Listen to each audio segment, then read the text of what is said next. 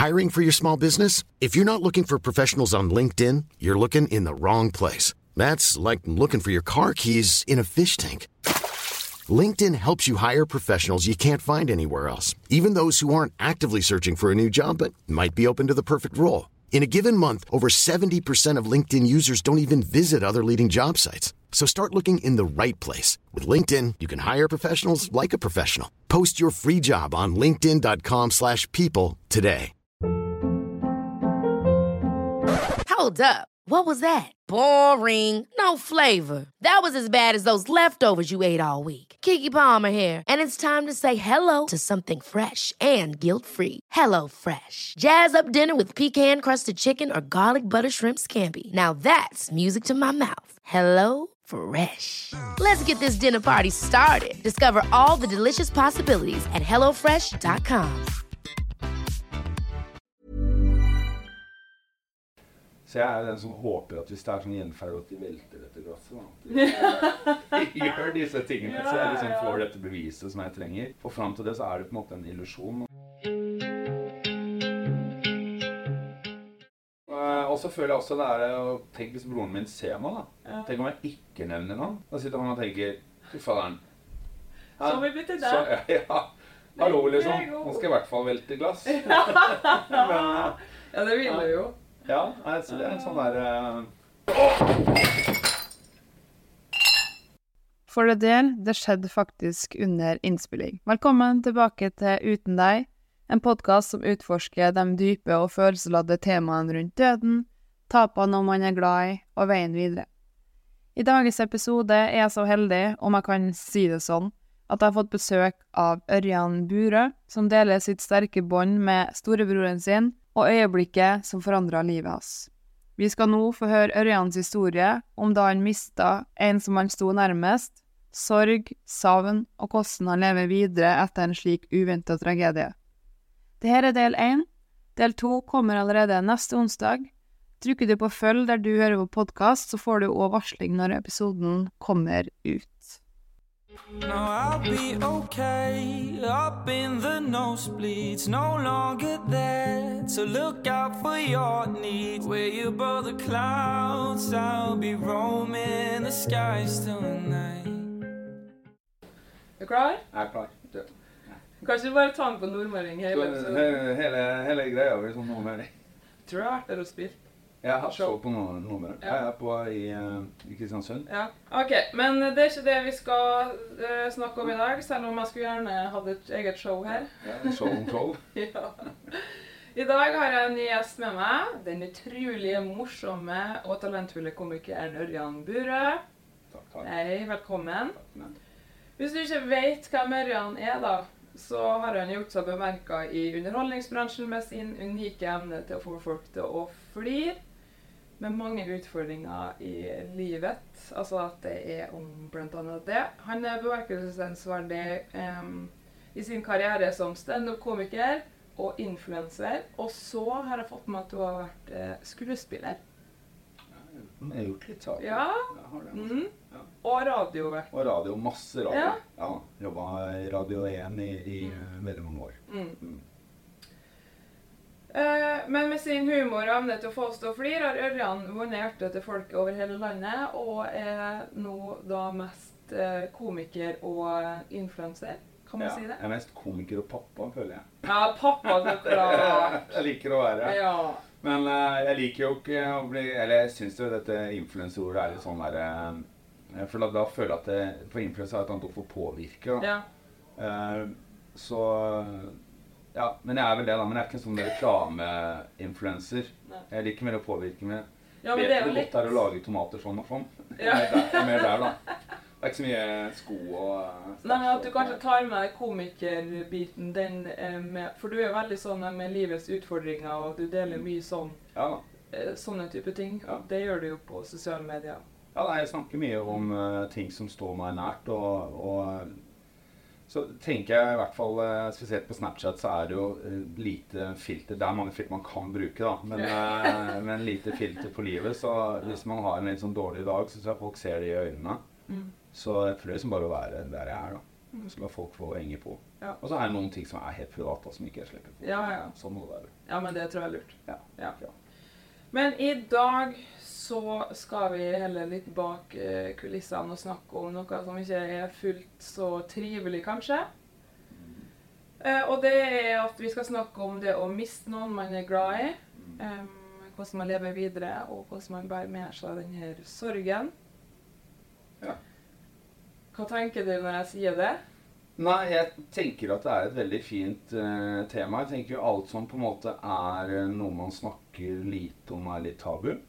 Uh, og, men det å miste noen er jo noe de, de fleste har på en måte opplevd, eller kommer til å oppleve, eller noen ting i livet sitt. Så, så, så jeg tror det er veldig fint å, å snakke om det. Og jeg mista min bror for mange år siden, og føler jo da at jeg har fått et relativt uh, reflektert forhold til det å miste noen. På min måte. Uh, mye jeg angrer på som ikke liksom gjorde riktig når det skjedde. Og, men jeg tror det, er litt sånn vanskelig å komme med tips og råd til andre, for at alle reagerer forskjellig på det. Uh, eh, men jeg skal i hvert fall prøve å fortelle min historie om hvordan det er å ja, vært å leve med det og, og ikke ha med meg i livet lenger. Det er det det handler om. Og det er fordi om ikke du eh, kommer med generelle tips sånn, så vil jeg jo gjerne at du kan dele litt hva som hjalp deg. Men det kan vi ta litt eh, senere. Har du lyst til å fortelle litt eh, mer om eh, han du har uh, mista? Eh, det var min storebror, som eh, var da fire år eldre enn meg. Så eh, han eh, døde når eh, Han døde i en bilulykke. Satt på i en bil. Han var 18 år og én dag. Så det var jo eh, Eller to han kanskje. Ja, han 18 med to dager. Eh, jeg var 14, så det er klart at det var jo veldig opprivende da det skjedde. Og det skjedde på, på Geilo, eller like utenfor Geilo, da, men vi bodde på Geilo og er fra Geilo. Eh, så en liten bygd. Og, hvor det da var liksom tre stykker som, som døde. Så, så det var jo veldig omfattende. da. Eh, to stykker som døde da, og, og en som døde noen år senere. Men eh, så klart det blir veldig sånn opprivende i en sånt lite sted eh, hvor alle kjenner alle. da. Og det er også på godt og vondt, altså, man sitter igjen med i ettertid. Jeg tror noen ganger er det fint å, å være fra et lite sted hvor du vet at alle kjenner din, til din sorg. Men så er det også deilig å være et stort sted som type Oslo, sånn, hvor du kan sette deg på en kafé alene og slippe å holde deg sammen med mennesker. Men har du lyst til å fortelle litt eh, om din barndom, og hvordan det var? For du vokste opp på Eilo? Vokste opp i Geilo. Eh, min barndom var en veldig fin skilsmissebarn. En sånn stå-på-mor som eh, jobbet 24-7. eh, og stilte opp eh, Og hun lever fortsatt. altså, hun Ja. stiller opp eh, fortsatt for ungene sine veldig. Eh, kjørte til og fra alt av treninger og slalåmbakker og eh, Ja. Det, og, jeg minnes at jeg har hatt et enormt godt forhold til min bror.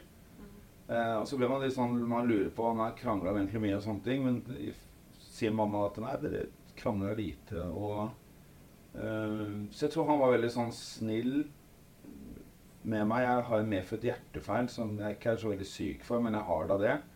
Så jeg tror på en måte han har hatt en sånn litt sånn omsorgsgen overfor meg eh, opp gjennom hele oppveksten. Og, og tatt det som var på meg, vært en skikkelig storebror.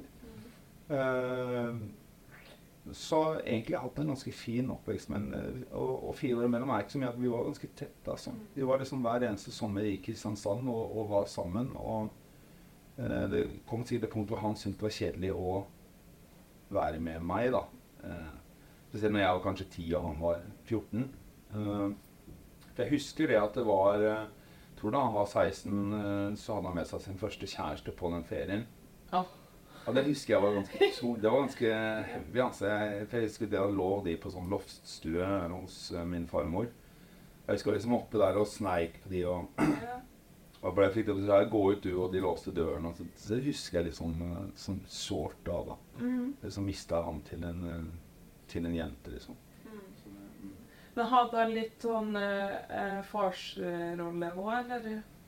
Nei, eh, det er ikke som jeg kan sitte igjen med som et minne, men jeg sitter igjen med et minne at han var utrolig omsorgsfull og passa på meg. Og eh, Det er sånne episoder som jeg husker veldig godt, som at jeg, jeg falt i skolegården på barneskolen en gang og landa på et sånt bunn av en colaflaskeglasskår eh, som gikk inn i kneet, liksom. Eh, og da skreik jo jeg Og han gikk på ungdomsskolen, så var det liksom sånn 200 meter på andre siden. Men han hørte tydeligvis at det var meg som skreik, så han kom løpende. Og så husker jeg han bar meg inn til skolen. Den tiden, eh, i gamle dager, vet du, så var det jo da helsesøster på skolen. Ja.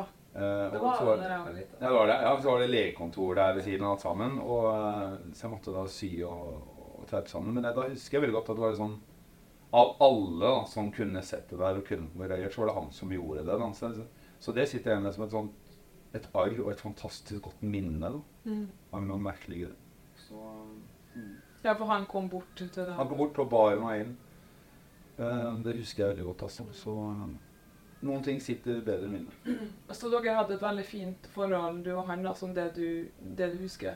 Ja, og jeg husker som et, eh, at jeg var veldig, så veldig opp til han. Eh, likte alt han hørte på. Når han liksom hørte på Bob Marley og Nazareth, så begynte jeg å høre på disse tingene. Hørte om et sånt her dessertband som het Tull, som begynte å høre på det. Så jeg liksom fulgte han hele veien, da. Eh, han hadde masse LP-plater, og så, så, var det liksom målet mitt var liksom snike meg inn på Forhåndelig Kamal der og høre på hans musikk. Ja. Så det husker jeg veldig godt igjen. da.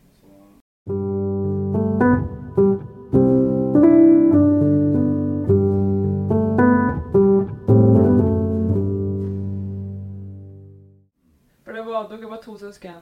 Jo, det må jeg han, Jeg også, jeg har to halvsøstre og senere, men ikke samme så tett relasjon som jeg har til broren min. Nei, for det, det er jo fire år mellom meg og min lillebror. Og jeg kan, altså, vi er så tett, da. Mm. Og jeg så også et sitat her, eh, eller en video fra litt siden, at eh, foreldre det på en måte det blir generasjonsskifte, og de skal mest sannsynlig dø før deg. Men søsken Vi følger hverandre hele livet, da. Ja, vi gjør som vil. Altså. Og jeg bare hvor takknemlig jeg er som Ja. har han i livet mitt.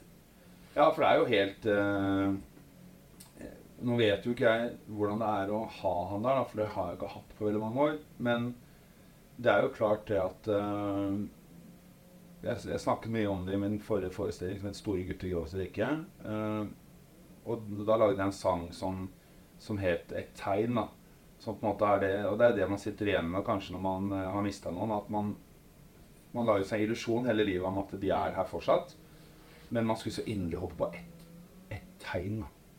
Et fuckings lite tegn for at du eh, ser meg, at jeg har det bra nå, at jeg er på et riktig sted i livet mitt. og sånne ting. Så, det, så jeg er den som håper at hvis det er sånn gjenferd at de velter dette glasset, da. De gjør disse tingene, så jeg liksom får dette beviset som jeg trenger. Og fram til det så er det på en måte en illusjon. Eh, At det mennesket ser, ser deg. Eh, Men eh, man blir jo litt sånn overtroisk når man har mista noen. Altså. Ja, ja, biter seg fast i det man lille man kan. Da. Det er akkurat det. Ja. Men du har også sagt at du ikke eh, Jeg leste en artikkel for lenge siden der du sa at det kanskje ennå ikke har gått opp for deg da. Eller at det gir ingen mening, da. Nei, og det var kanskje det rareste når, her- når det her skjedde, da, eh, så var det så veldig sånn det, det var en sånn spesiell Han skulle på fotballkamp et sted som heter Gol nedenfor Gjerlo. Du kan gjerne ta oss gjennom hele historien. tar igjen hele historien. Ja, han skulle på fotballkamp til Gol sammen med noen venner. eh, Og for liksom, for, ut og feire bursdagen sin etterpå, for han er 18 år. Han kom inn på utstedet på Geilo. Eh, mamma skulle ut med noen venninner, tror jeg. Eh, og jeg skulle overnatte som kompis. kompis. Var da 14 år og skulle overnatte som kompisen. Og eh, foreldrene hans ville være ute til midnatt. Så det var liksom greit hvis de var aleine hjemme. da. Altså. Veldig stort å være aleine til hvis man er 14 år. En fantastisk opplevelse.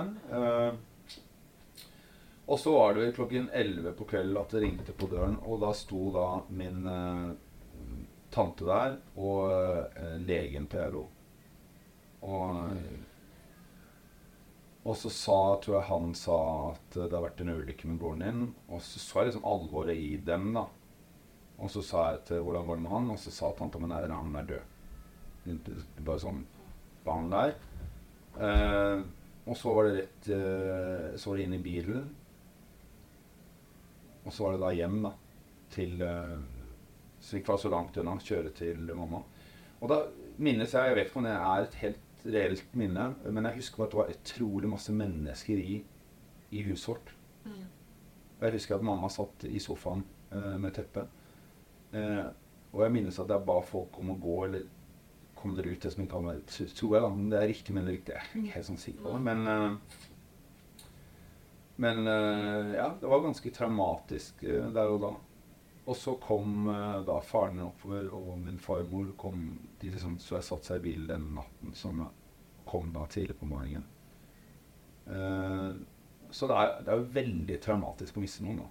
Og spesielt da i en, en, en ulykke sånn som det der, så er det helt å Når jeg selv får barn, så eh, jeg har kanskje enda mer skjønt min mors sorg og redsel og alt det når jeg selv fikk unger, da. Ja, ja.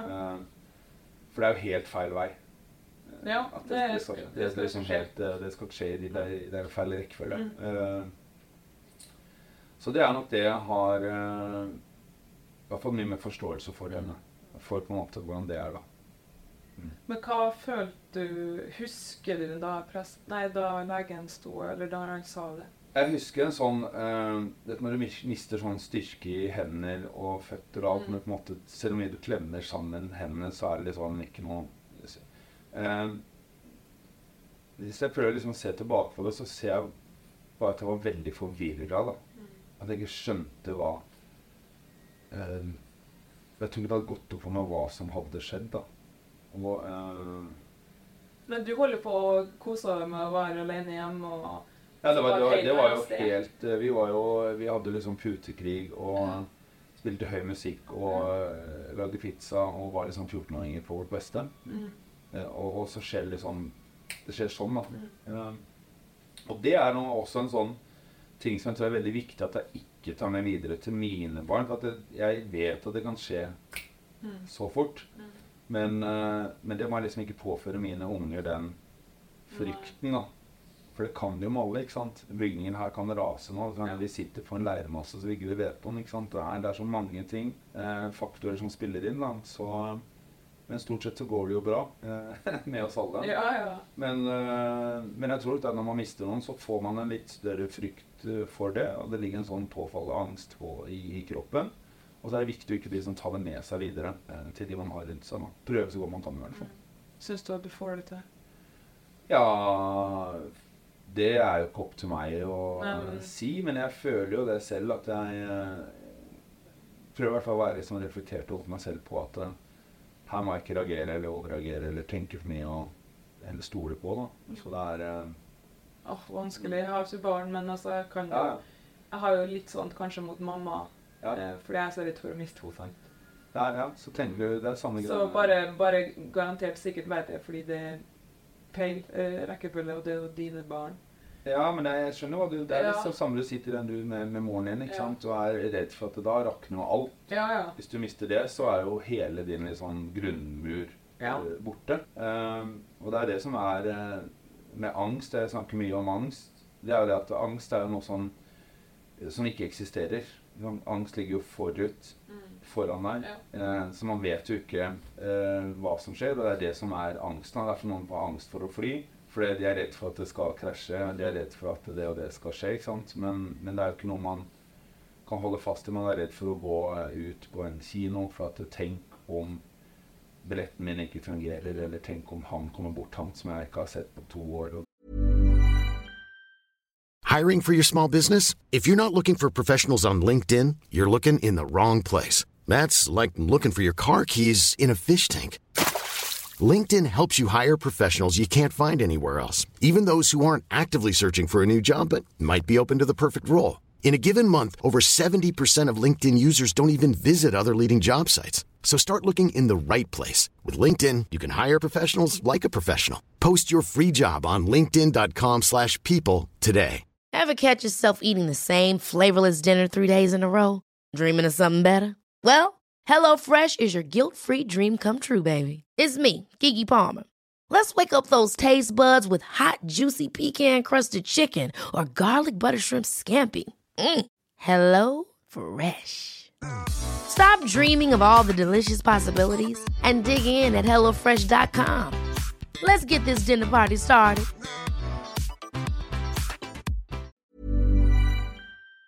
Det ene med andre. Så, eh, så man må prøve å le litt av sin egen angst og si at det her nå fremprovoserer jeg ting som faktisk ikke har skjedd, og kanskje ikke kommer til å skje. Det var en fin eh, En lur måte. Ja, så man, liksom, Det er masse triks for å jobbe mot angsten, men man, man kan prøve å telle fra fem og bakover til null. Ja. Og så kan man heller si til seg sjøl at eh, Men tenk om det ikke skjer. Det går, det går fint ja. det flyet. Tenk om det lander veldig bra. ikke sant? Og så prøve å være litt sånn realistisk på det. da. Går du mye og tenker på sånne ting? Nei, men jeg tar meg selv sånn Jeg har jo hatt eh, så Første når han minsten sa at jeg vil gå hjem fra skolen, så var jeg han som eh, lå i hjørnet. Ja, det er ikke tull. Sånn altså. side om side? Ja, ikke sant? Og at det er helt krise. Eh, Så jeg har gjort alle disse tingene der, liksom. Og, men jeg, ja, jeg tror jeg vil liksom passe på barna mine. Ikke være noen sånn der eh, hønefar. eh, Eller han, heter det høn, hønemor? Heter det, heter det far? Jeg vet ikke hva en far heter. det, Helikopterpappa heter det. Sånn som flyr over og passer på hele tiden. Hæ? Det er helikopterpappa. Jeg har aldri hørt du hørt det? finne på det der. Nei, nei, det er eh, Vet ikke om det heter helikoptermamma eller helikopterpappa, men nå er vi litt sånn i hendene til Ja. tiden, så vi må være forsiktige med hva vi sier. Eh, og så heter det jo så heter det curlingforeldre. Ja, det, Og det er når vi dytter vekk alle problemene foran. At på en måte det er helt sånn greit for, for ungene dine. så, er, eh, så, så det er dette heter helikopterpappa eller mamma. Som flyr over og passer på overvåker overvåke hele tiden. ja, ja, det Det er jo ganske billedlig. Ja, ja, det er jo det. Er, eh, så jeg prøver ikke å være der. Er det sikkert innimellom. Eh, men det viktigste av alt er å prøve å ikke gi mine barn redsel for, for, for min frykt. Det er det aller viktigste. Og jeg tror det er derfor mange foreldre når ungene kommer for seint hjem, så kjetter de på det. Bort til det. Mens egentlig så er du jo bare redd. Så det man egentlig bør si, er å være ærlig og si at eh, jeg blir redd. Så du må bare sende melding. Du må ringe før, så slipper jeg å være redd. Mm. Det er det det handler om. Ja. Så man blir jo sinna, sinna av frykt. Ja, ja, ja. Men eh, før vi kommer til nåtida, eh, hvordan var det etter din eh, bror gikk bort? Nei, det var det som er eh, Og dette blir jo på en måte mine tanker og, uh, om det. Og jeg husker veldig godt, uh, for, uh, som jeg også har skjønt etter det, at mamma var jo helt sikkert i sin egen verden. ikke sant? Sin egen sjokk og eh, sorg, da. Så jeg føler at alle disse rundt liksom prøvde å ta vare på meg og henne. Som jeg ser for meg nå, Jeg husker farmoren min var der lenge. Jeg tror var det kanskje to-tre måneder. Eh, hos, bodde hos oss. Eh, men jeg husker før begravelsen så prøvde de å få i meg en liten sånn tablett Ok. som eh, Så jeg tror farmor sa at eh, ja, men det er for at du, du skal klare å ikke ha det så vondt i brystet. Jeg husker jeg ble sånn sint for det. Ja. Og jeg, jeg tror ikke jeg tok han, altså. Nei. Men det jeg husker sterkt, og, og jeg fikk heller ikke se broren min før, det har vært litt sånn der eh, ambivalent for i ettertid. Eh, eh, men jeg har ikke noe sånn der, jeg sitter ikke og føler at jeg har tapt noe. Det, det var faren min som så han og sa at han så fin ut. Så man liksom bare stole på det. Så jeg vet ikke om jeg jeg hadde sittet igjen med noe bedre eller verre inntrykk en sett det. Det vet man jo ikke. Nei. Eh, Det er mulig å si. det er mulig å si. Eh, jeg har ikke vært sint pga. det, altså, men jeg har tenkt på det innimellom. Uh, men jeg husker når vi kom inn i kirken, jeg og har vært stappfull av For det, blir jo en sånn sant, Når ungdommer dør, da, så blir det så masse unge mennesker i kirken, og så mange som ikke vanligvis er i kirken. Og, eh, og at jeg husker jeg veldig godt at når vi kom inn i kirken, så, eh, så økte den der gråtingen da, hos alle. For da var det som jeg og mamma som kom inn. Mm. Det var helt eh, Det husker jeg eh, enormt. Altså, omtrent som en sånn Hvis man hører sånn lav snufsing og gråting, og så kommer vi inn, og så bare øker så Folk klarer ikke å holde igjen. Du hører sånn Ja. hiksting og eh, eh, Og han var en eh, veldig pen eh, Hadde en veldig pen bror. Mm. så, så det var masse jenter. og flotte altså Alle disse jentene Det er sånn alle kompisene hans. Han var en sånn raus, fin fyr. Så, så det var veldig mye ungdommer da, eh, i, i begravelsen. Og det minnes jeg som et sånt eh, Ja, det syns jeg var dramatisk. Altså, men men allikevel så jeg, jeg klarer liksom å se det hele gjennom som et lite kikkehull. For var, jeg tror det var så dramatisk for meg at jeg har liksom øh, jeg tror kroppen hele tiden jobber med, med å ikke huske sånne ting. ikke sant? At det er liksom kroppen sin måte med å liksom bearbeide på. Eh, Og takk Gud for det, tror jeg. Ja, jeg tror kanskje det. At det er egentlig ok. Altså. Ja. Selv om det føles jo eh, det, Jeg gjerne skulle ønske enten jeg så på film om hvordan var det jeg hadde det egentlig. da. Men jeg tenker at det er kroppen sin måte å jobbe på. Da. Det er riktig. Eh, Etter begravelsen så eh, var vi på, eh, på et sånt sted, eh, et hotell resort på Gjerå. Eh, og da husker jeg eh, at folk Jeg husker jeg så bort på For vi avslutta begravelsen i kirken. Uh, og så husker jeg vi så bort fra hotellet, så klarte jeg å se bort på kirkegården. da. Og så så jeg at de hadde heisa flagget, for jeg så det var på halvstanden før. Sånn. Så hadde de heisa det flagget. Eh, og så satt folk rundt og drakk kaffe og kaker, og så smilte de og lo sånn. Det husker jeg utrolig godt, da. Og da tenkte jeg sånn sitter folk og smiler nå? Eh, jeg skjønte i ettertid at det er folk som har litt en ikke så tett relasjon, og på en måte sitter og minnes allerede. da. Men for meg så var sorgen fortsatt så utrolig intens. da. At jeg, jeg, jeg ble, jeg ble veldig provosert av det. da. Eh, For jeg så bort på mamma, hun var ikke der i den, hun var jo lei seg. ikke sant? Så jeg skjønte liksom ikke dette Jeg ble veldig forvirra av det. da. Ja. Ser se folk liksom eh, om- Omtrent som noen konfirmasjonsstemning var det. Eh, så det likte jeg ikke. Og så var det jo det at det veldig mange som snakket til meg, liksom sa at nå er jo du mann i huset, Ørjan. Sånn, nå må du ta vare på moren din. Uh, som jeg skjønte i ettertid at det er en enormt ansvar å gi en 14-åring. Er I dyp sorg. Ja, ja. Uh, men, men sånn var det. Det var liksom klapp på skulderen og Du er så flink, og nå må du ta vare på mamma. og Folk visste sikkert ikke hva de skulle si. da. De sa sikkert sånne ting som de kjente var riktig. Eh, Ja, Hva følte du om det, da? Husker du? Nei, jeg husker jeg bare Jeg vet ikke om jeg sa ja eller nei. eller bare... Jeg minnes det nesten som jeg bare så på disse menneskene tilbake igjen. Liksom. Eh, og så husker jeg jeg tilbake igjen på skolen, så var det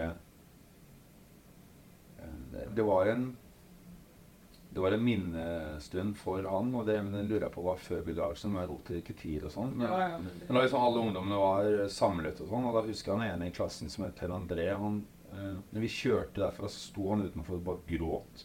Jeg et bilde av at jeg husker han eh, Og jeg, eh, han gråt bare av empati, da. Eh, altså, han skjønte hvor forferdelig jeg hadde det.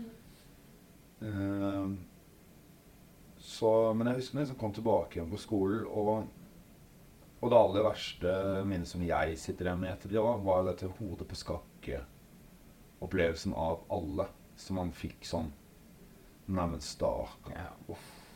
Hvordan går det med deg? Ikke sant? Da ble det jo plutselig Ørjan som hadde mista bror sin. Ja, ble det, ikke sant? Eh, og så sa man sånne dumme ting som at Nei, det går, det går ikke så dårlig. man er jo ikke ærlig, da. Nei. Eh, men det, det jeg kanskje angrer mest på i ettertid, er at jeg ikke omfavna sorgen. Mm. Men det kan nok ha med at veldig mange sa til meg at nå er du den voksne. Nå skal liksom du ta ansvar, nå må du passe på moren din, nå liksom du gjør disse tingene. Eh, at derfor eh, tok jeg ikke tak i, i, i sorgen, og, og at det kanskje er litt sånn nordisk, europeisk og måte å reagere på. Eh, at man skal liksom videre så fort som overhodet mulig. Eh, at når jeg ser sorg i andre land, når du ser f.eks. krig, eh, og man har mista noen, så ser du at de mødrene de slår seg i ansiktet, og de sitter og hymler på bakken, og de skriker. Eh, sånn, de er helt desperate, da. Eh, og så, når man har mista noen, så skjønner man den reaksjonen. Ja. Man skjønner det. Eh, og man gjør det kanskje alene. Kanskje i dusjen, eller kanskje når man på et trygt sted eller sitter i en bil og, og skriker. da. Men jeg tror det er riktig måte å reagere på. Jeg tror bare Man må liksom få det ut. da. Og liksom være helt uh, sånn, helt sånn bunnløs, uh, full av sorg. da. At det er Så bør være mer lov. da. Mindre tabu rundt det. Så så jeg er nok den som prøver å, å si til andre når de opplever ting, at det, det, det, omfang den sorgen. altså. Gå inn i det, gå og kjenn på det. Og vær lei deg. Du har lov å være lei deg. Og folk sier, Hvor lenge da? Så lenge du vil. Ja, Du har lov å gråte hele tiden hvis du vil. Hvis du føler for det, så gjør du det. det du, du dør ikke av det. Sant? For kroppen sier faktisk du er sulten, spiser du mat. Ja. Så gjør du disse tingene. Men, eh, og du sovner til slutt når du er utmattet. da. Eh, men jeg tror det er liksom riktig Hvis jeg skal anbefale tips til noen som mister noen, så ta vare Møt sorgen. Og så er det også en form for å vise kjemperespekt for det du har mista. For du må helt ærlig se at når, hvis du dør, har du litt lyst til at de skal gråte litt. Ja, ja. ja. Den egosentriske narsissisten i oss alle sier jo det. At uh, Jeg håper liksom de, de kjenner på det tapet han har. Eh, så man skal ikke liksom prøve å unngå det. Ja. Prøve å liksom ordne seg og styre seg. Kjenn på det. For det er lettere å komme opp på andre siden. Men jeg føler at hvis jeg, eh, hvis jeg skal ta det helt ut, da, Mm. så føler jeg at da blir det så ekstremt ekte. Ja. Og det er jo selvfølgelig en kjempefin ting, men det er jo kanskje det, det som gjør at man ikke For jeg snakker meg jo i hjel om det å miste noen, men Ja. jeg har ikke stått i skogen og ropa på en måte. Nei. Men jeg tror nok at eh, det er nok måten Det er nok rett måte å reagere på for å føle det lettere, kanskje. Ja, og så tenker jeg at det kanskje øh, Jeg er nok ikke typen som kan gå ut eller kjøre bil til skogen og så rope eller sitte i bil og gjøre det. Men jeg tror man kjenner på, man kjenner på det der og da. Mm. Og det er det vi er altfor gode til å ta oss sammen. da. Vi må slutte med å ta oss Ja. sammen. Eh, og det er sikkert øh, du også. Veldig god Ja. til å ta deg sammen. Ikke sant? På, og, ja, nå skal jeg ikke reagere på det, nå skal jeg ikke liksom sånn. Og nei, jeg skal på jobb nå, så jeg kan ikke stå og gråte i det. dusjen. Utsatt og utsatt og Ja. utsatt. Det må du ikke gjøre. Nei, Tror jeg, Nei, for at da tror jeg det kommer ut i en annen form. Det gjør det da. Og øh, frustrasjon og kjefte på andre mennesker. Ja. Glemmer ting. Eh, Ja. ja, for man har hodet et annet sted. da. Ja. Så jeg bare tenker at det er eh, det er lov å stå og gråte i dusjen, eller eh, hvis man kjenner at man er ensom alene. Og nå går vi mot mørketid, høsten, som ofte er den verste tiden. For det er mindre dagslys. da. Mm. Eh, som jeg i hvert fall syns er sånn Folk sier ja, det er så fint å tenne lys hjemme og sånne ting. da. Jeg syns det er sånn derre Jeg liker dagslys. Jeg. Mm. jeg liker å stå opp om morgenen og rulle opp gardinen, og så er det sol ute. Jeg liker ikke når det er mørkt, da, men, eh, men eh, til mer du tør å kjenne på den sorgen og være sårbar og gråte, til, til mer blir den avtatt, tror jeg, da, og blir mindre. Og, og da kan du på en måte kontrollere den litt eh, etter hvert. da. Men, eh, så jeg har ikke troen på å gå på en kirkegård og stå og hyle. Men jeg tror bare man må hyle akkurat når man føler for det. Ja, det er ikke noe fasit på det. Nei, det er ikke det. Men du har da, siden, kanskje siden du fikk fortalt sånne type ting når du etter minnestunder eh, holdt eh, mesteparten av følelsene inni deg. Ja, ja, eh, i- gjennom hele livet. Mm. Og syns noen ganger til og med vært vanskelig når folk liksom sånn sånn Ja, har du noen søsken? Liksom Ja. kommer sånn Ja, så har jeg sagt at jeg har to halvsøstre. Eh, og så er det sånn, sånn Og jeg må jo si at jeg har en bror som jeg ikke har lenger. Jeg må liksom si det, ikke sant? Ja. Og sånn. På en merkelig måte, da. Men av og til så unngår man det, for at da man vil ikke ha deg hodet på skakke tilbake. Og så må fortelle Nei. historien og Så du unngår det noen gang? jeg, jeg, jeg, jeg, jeg tror jeg har gjort det unngått det noen ganger. Og så noen ganger så har jeg sagt at eh, eh, Ja, eh, jeg mistet, så mista jeg broren min i en bilulykke uh, for mange år siden. Og så får jeg den Nei, uff. Og så sier jeg ja, jeg var 14 og 18. Det var kjempetøft. eh, men det er mange år siden nå, sa jeg. For da får, da får praten en helt annen eh, Hva skal vi si? Stemning, kanskje? Ja, det er Så sånn var der, det ja. ikke det dere skulle snakke om? Nei, for en sånn der eh, Ja, det blir sånn der, det blir plutselig en awkward Tinder-date. Ja, ja. ja, men det er sånn der, eh, det er det man føler, da. Og, så føler jeg også det er Tenk hvis broren min ser meg, da. ja. Tenk om jeg ikke nevner noe. ja. Da sitter han og tenker Fy faderen. Så har vi bytter der. Så, ja, ja. Hallo, liksom. Nå skal jeg i hvert fall velte glass. Men, Ja, det vil du jo. ja, altså, det er en sånn der eh, Jeg har følt litt på det opp igjennom. Altså. Ja. At, uh, liksom, hvor mye skal man si det, hva skal man si det ikke? Og sånn.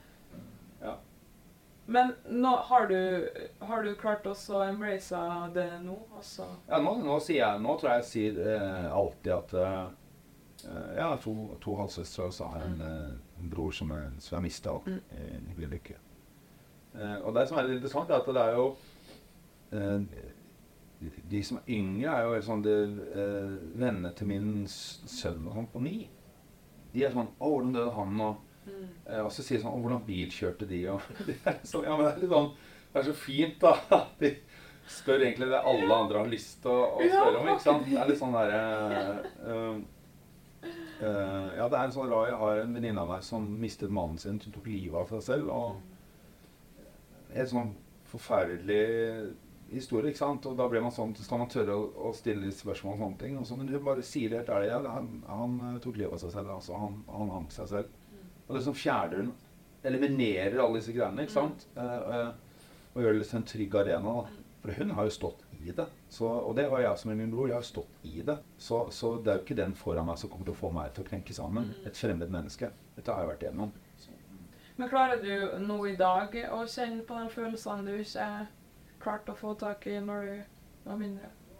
Ja, i mye, mye større grad. Ja. Uh, men jeg er jo litt sånn der utenpå følelsestype. Jeg er noen gråter jo når jeg ser norske tegn. Oh, sånn. Ja. Så jeg er ikke litt sånn Jeg er sånn easy eh, Ja. guy, altså. Det er Skjønner Ikke deilig? Jo, jo, det er, det er kjempefint. Det, er altså, det er klart, det er jo innimellom man sitter da med liksom nesten fremmede folk og ser Ja. ting på TV, og så kjenner Så jeg, eh, og så, Hvis jeg f.eks. skal fly jo mye, før flyet letter og sånn, så sitter jeg på TikTok og ser sånne der, oh. Homecoming soldater og sånn. Det er helt krise, ikke sant? Så sitter jeg som en later som jeg gjesper ved siden av folk. Så jeg har hatt noen sånne runder med meg sjøl, da. Så, men det er jo veldig deilig å kunne gråte. Mm. Så, så det, Så det er det. mm.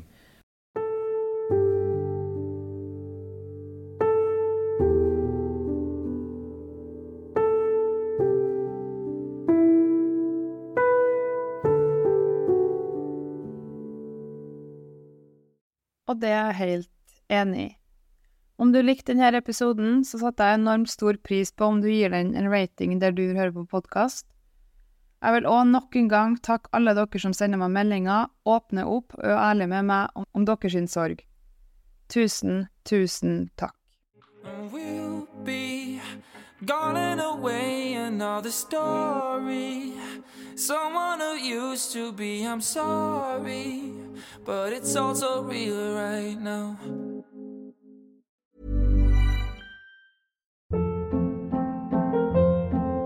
Hold up. What was that? Boring. No flavor. That was as bad as those leftovers you ate all week. Kiki Palmer here, and it's time to say hello to something fresh and guilt-free. Hello Fresh. Jazz up dinner with pecan-crusted chicken or garlic butter shrimp scampi. Now that's music to my mouth. Hello Fresh. Let's get this dinner party started. Discover all the delicious possibilities at hellofresh.com. Mom deserves the best, and there's no better place to shop for Mother's Day than Whole Foods Market. They're your destination for unbeatable savings, from premium gifts to show-stopping flowers and irresistible desserts. Start by saving 33% with Prime on all body care and candles. Then get a 15-stem bunch of tulips for just $9.99 each with Prime. Round out Mom's menu with festive rosé, irresistible berry chantilly cake, and more special treats. Come celebrate Mother's Day at Whole Foods Market.